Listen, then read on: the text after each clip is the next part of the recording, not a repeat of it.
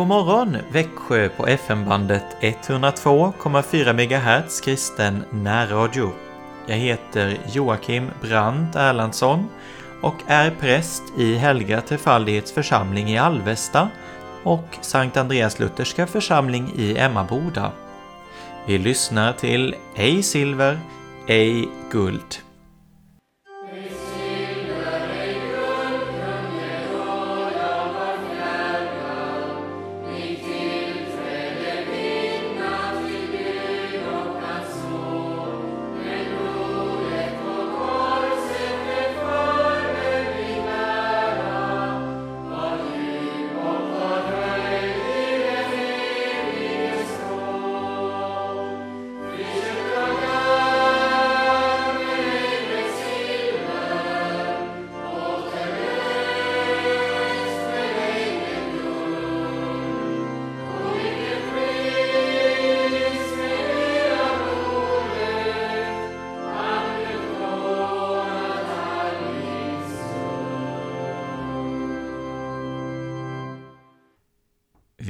Inleder denna morgonandakt med att be en traditionell fastebön. Outsägligt stor, Herre Jesus, var din kärlek till oss fallna människor. Att du för vår skull blev människa och led smälek, ångest, pina och död för oss syndare, som annars hade måst evigt dö. Ge oss nåd att alltid minnas och i tro ta emot denna din välgärning, så att vi därför lovar dig, tillika med Fadern och den helige Ande. Hjälp oss att alltid föra ett kristligt leverne och i all nöd och motgång trösta oss med att du är vår frälsare, som har förlossat oss från dödens och djävulens våld och som slutligen ska ta oss från denna mödosamma värld till dig i himmelen där vi i evighet ska fullkomna ditt lov. Amen. Nu är ditt väl där ovan står sakut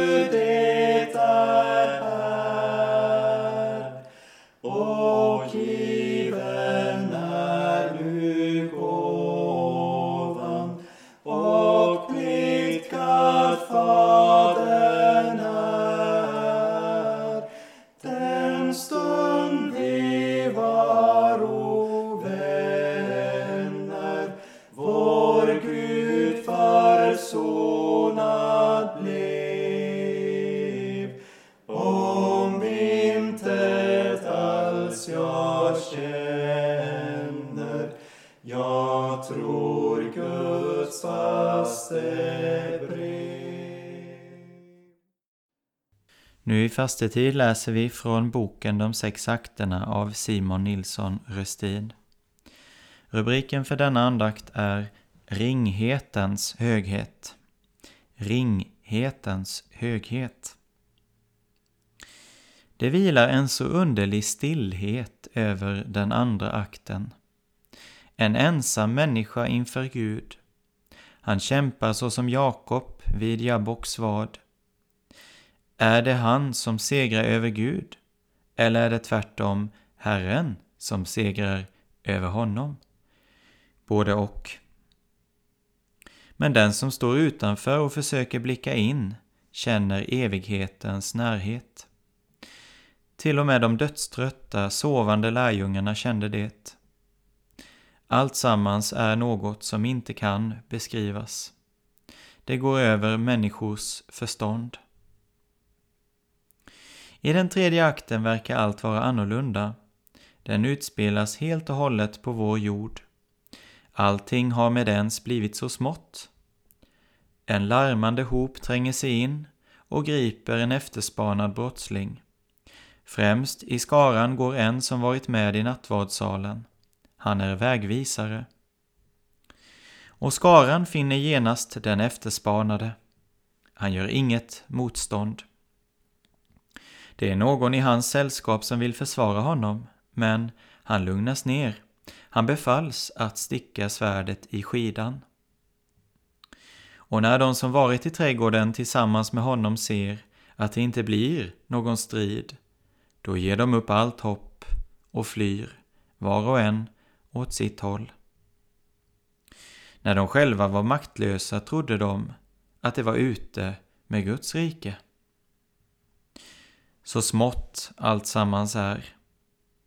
Om vi ändå fått se de stora makterna drabba samman, sett den allsmäktige slå ner sin motståndare.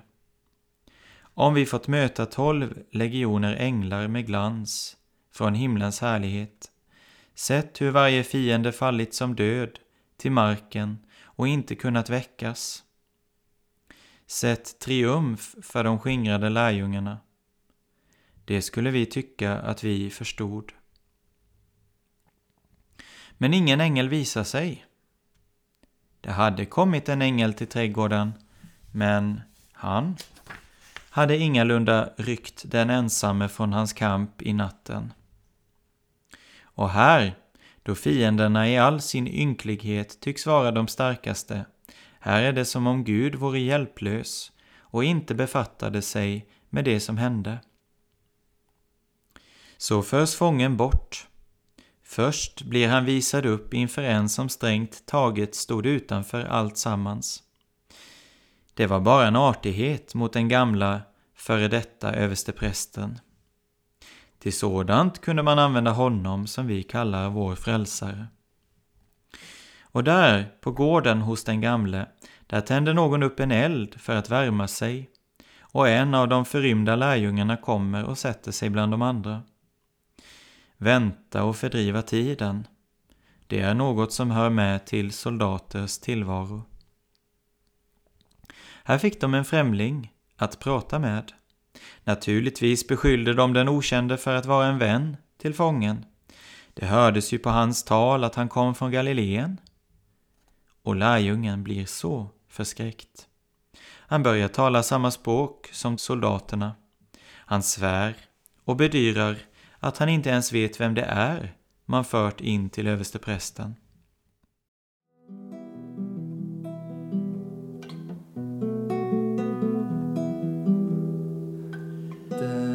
korsfäste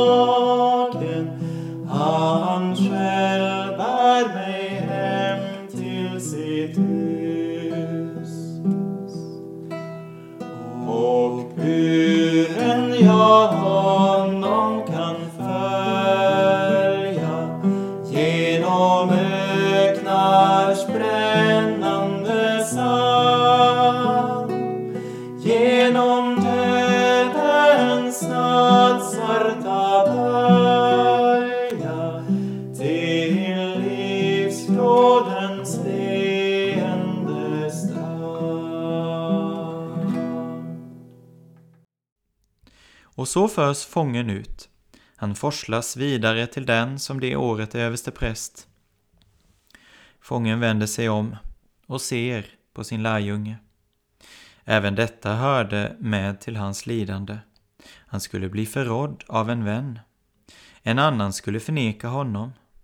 Och alla skulle överge honom och tvivla på honom. Jesus förs bort som en ransakningsfånge. Det är så bråttom. Det är inte tid till ordentliga rättsförhandlingar. I den tidiga morgonen griper man sig genast verket an, för man vet på förhand hur rättegången ska sluta. Det är som om det bara är för formens skull som domaren ställer några frågor till den anklagade. Han frågade bland annat om hans lärjungar. Vad skulle Jesus svara när det blev tal om dem? Skulle han erkänna att ingen av dem fattat vad han talat med dem om? Eller skulle han tala om att de nu allesammans övergett honom? Skulle han ha nämnt att han bett tre av dem vaka tillsammans med honom, men att de inte ens i en timme förmått stå vid hans sida? Skulle han säga att en av dem skämts så för honom att han inte ens ville lossa om sin bekantskap med honom? Eller att en annan sålt honom för 30 silvermynt? Han svarade inte alls på översteprästens fråga om lärjungarna. Han hade redan sagt allt vad han tänkte säga om dem till sina och deras fiender. Han hade bara sagt ett maktens ord, fortfarande i sin förnedring. Om det alltså är mig ni söker, så låt dessa gå. Och ingen av lärjungarna hade råkat i fiendens hand. Där var han ensam. Men med sin fader hade han talat om dem. De var dina, och du gav dem åt mig, och det har hållit fast vid ditt ord. Ty det ord som du har gett mig har jag gett dem, och de har tagit emot dem och har verkligen förstått att jag har utgått från dig, och de tror att du har sänt mig. Tänk att han kunde vittna så om lärjungarna. Också till dem själva hade han talat. Han hade rent av berömt dem. Det är ni som har stått vid min sida under mina prövningar. Just det. Det hade de inte kunnat göra som alla andra och säga honom farväl. De var hans. De hörde honom till, jag i dem och du i mig. Därför hade han också kunnat säga till dem att de redan nu var rena. Dessa lärjungar till vilka han också sa, ni ska skingras var och en åt sitt håll och lämna mig ensam. Ja, han som gick mot Getsemane och Golgata, han som visste vad som väntade honom och dem, han slutade sitt avsked från dem med orden Var vid gott mod, jag har övervunnit världen.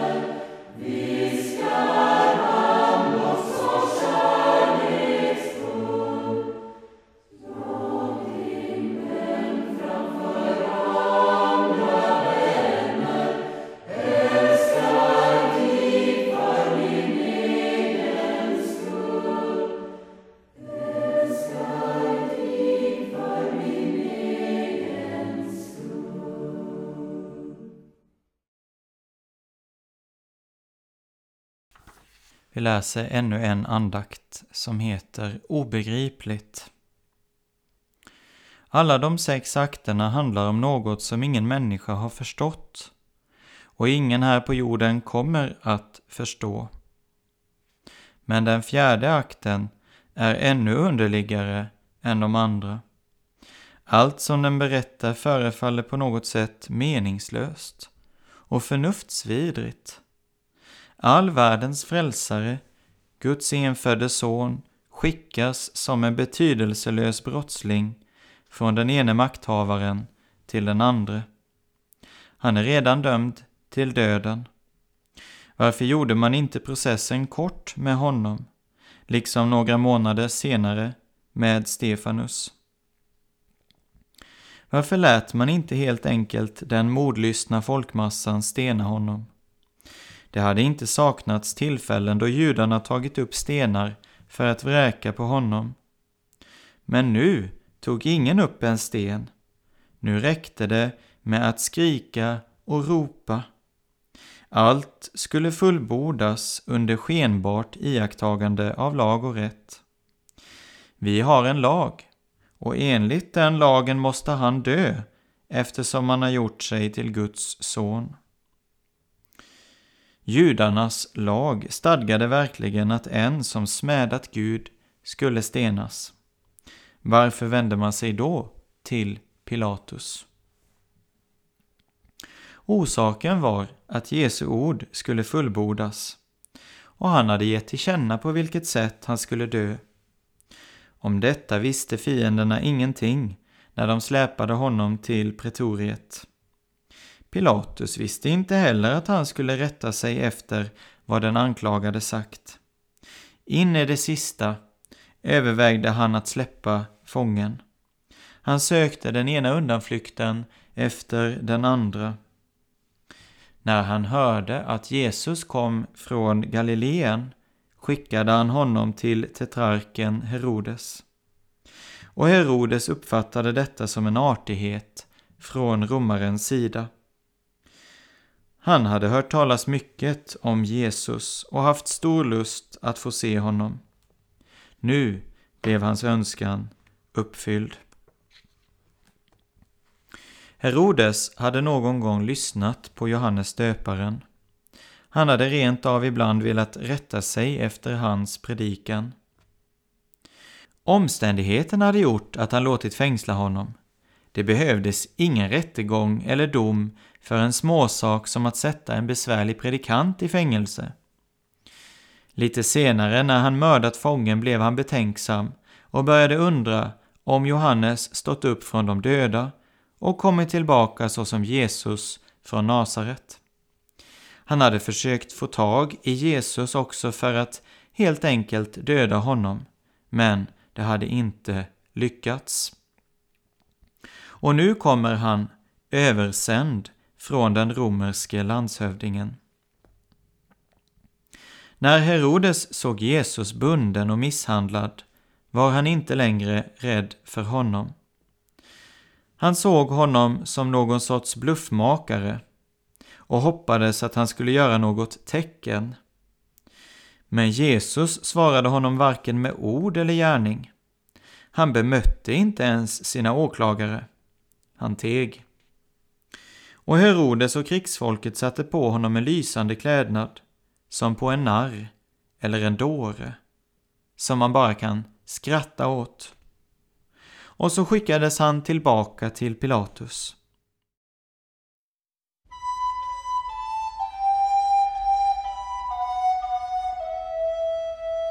När Herren kallar och lyssna då förhärda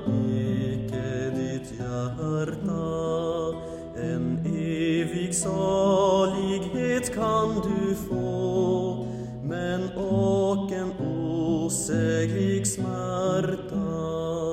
Om du föraktar en sådan vän kan hända kommer han ej igen. Kanske du haft någon sökningstid som du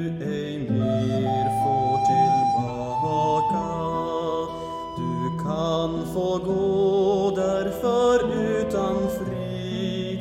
Kanske du aldrig får smaka den salighet som du var så nära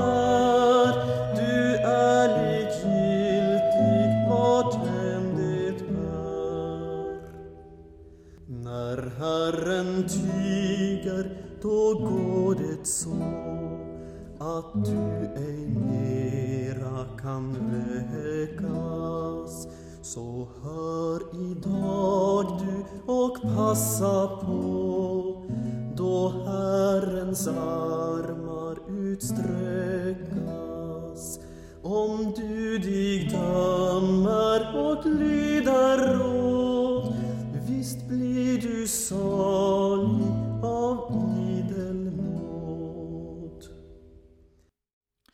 Pilatus fann visserligen den anklagade oskyldig, men han lät honom få samma skymfliga behandling som nyss inför Herodes. Soldaterna inte bara gisslade honom. Efter misshandeln klädde de på honom en purpurröd mantel och tryckte en käpp i hans hand. Någon flätade en krans av törnen och satte den på hans huvud som en krona. Man böjde knä för honom och slog honom i ansiktet med käppen. Till sist fördes han ut och visades för folket, klädd i törnekronan och purpurmanteln, och folket skrek mot honom, korsfäst honom. Pilatus hade frågat honom om han var en kung. Var det något annat än hån i frågan? Vi kan inte nog förvånas över vad man gjorde med Jesus. Det är emot allt förnuft att tänka sig att mannen som blev gisslad var Gud själv. Det är helt obegripligt att han som kröntes med törnekronan var den som skapat både törnet och honom som vred ihop det till en krans. Det är lika obegripligt att tetrarken Herodes och landshövdingen Pilatus kunde sitta till doms över sin skapare. Och till sist, det mest obegripliga av allt är att Guds överstepräst avkunnade domen över Guds son. Men ännu mer obegripligt är att domen var en rätt dom. Men så är det verkligen. Ty Gud hade kommit till jorden som en människa för att försona världen med Gud, med sig själv. Han hade kommit för att ta på sig all världens synd, översteprästens, Pilatus, Herodes och min synd. Han skulle lida vad vi bort lida. Han skulle stå i vårt ställe. Han var genomborrad för våra överträdelsers skull, slagen för våra missgärningars skull. Straffet var lagt på honom för att vi skulle få frid och genom hans sår är vi helade. Det var Herrens vilja att slå honom och låta honom lida. Därför uppfyllde han den profetia som sagt, jag höll fram min rygg åt dem som slog mig och mina kinder åt dem som ryckte ut mina skäggstrån. Jag dolde inte mitt ansikte för hån och spott. Vi vet vem han var. Vi vet varför detta gick över honom. Vi vet varför han tömde den bägare som hans fader, inte prästen, inte Herodes, inte Pilatus eller soldaterna, utan hans fader räckte honom. När vi föraktar honom sker det aldrig därför att vi inte vet bättre. Människosonen skall komma i sin faders härlighet med sina änglar och då skall han löna var och en efter hans gärningar. Gud, hjälp oss då. Nej, hjälp oss nu medan nådens dag varar.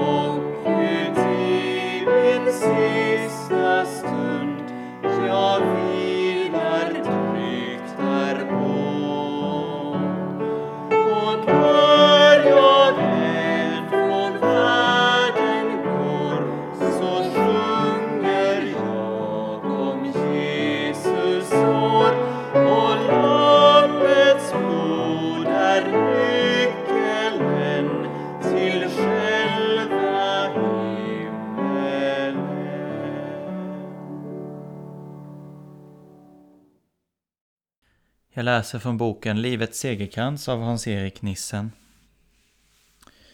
Du behöver inte tvivla. Gud vill att du ska bli frälst. Han har gjort allt för att det ska ske. Han har låtit Jesus betala för alla dina synder. Han har godkänt sin sons betalning. Att gå förlorad är därför det mest meningslösa av allt. Jesus står som frälsare framför varje människa. Han står också framför dig. Han betalar inte för dig när du tar emot honom. Det har han gjort på förhand. Nu har han en enda önskan och det är att du ska godkänna honom som den som fullt ut har ordnat din sak med Gud. Att göra det är att bli frälst av ren nåd. Då har du funnit in till hjärtat av Guds vilja. Det som Gud vill ska ske med alla vill han också ska ske med dig.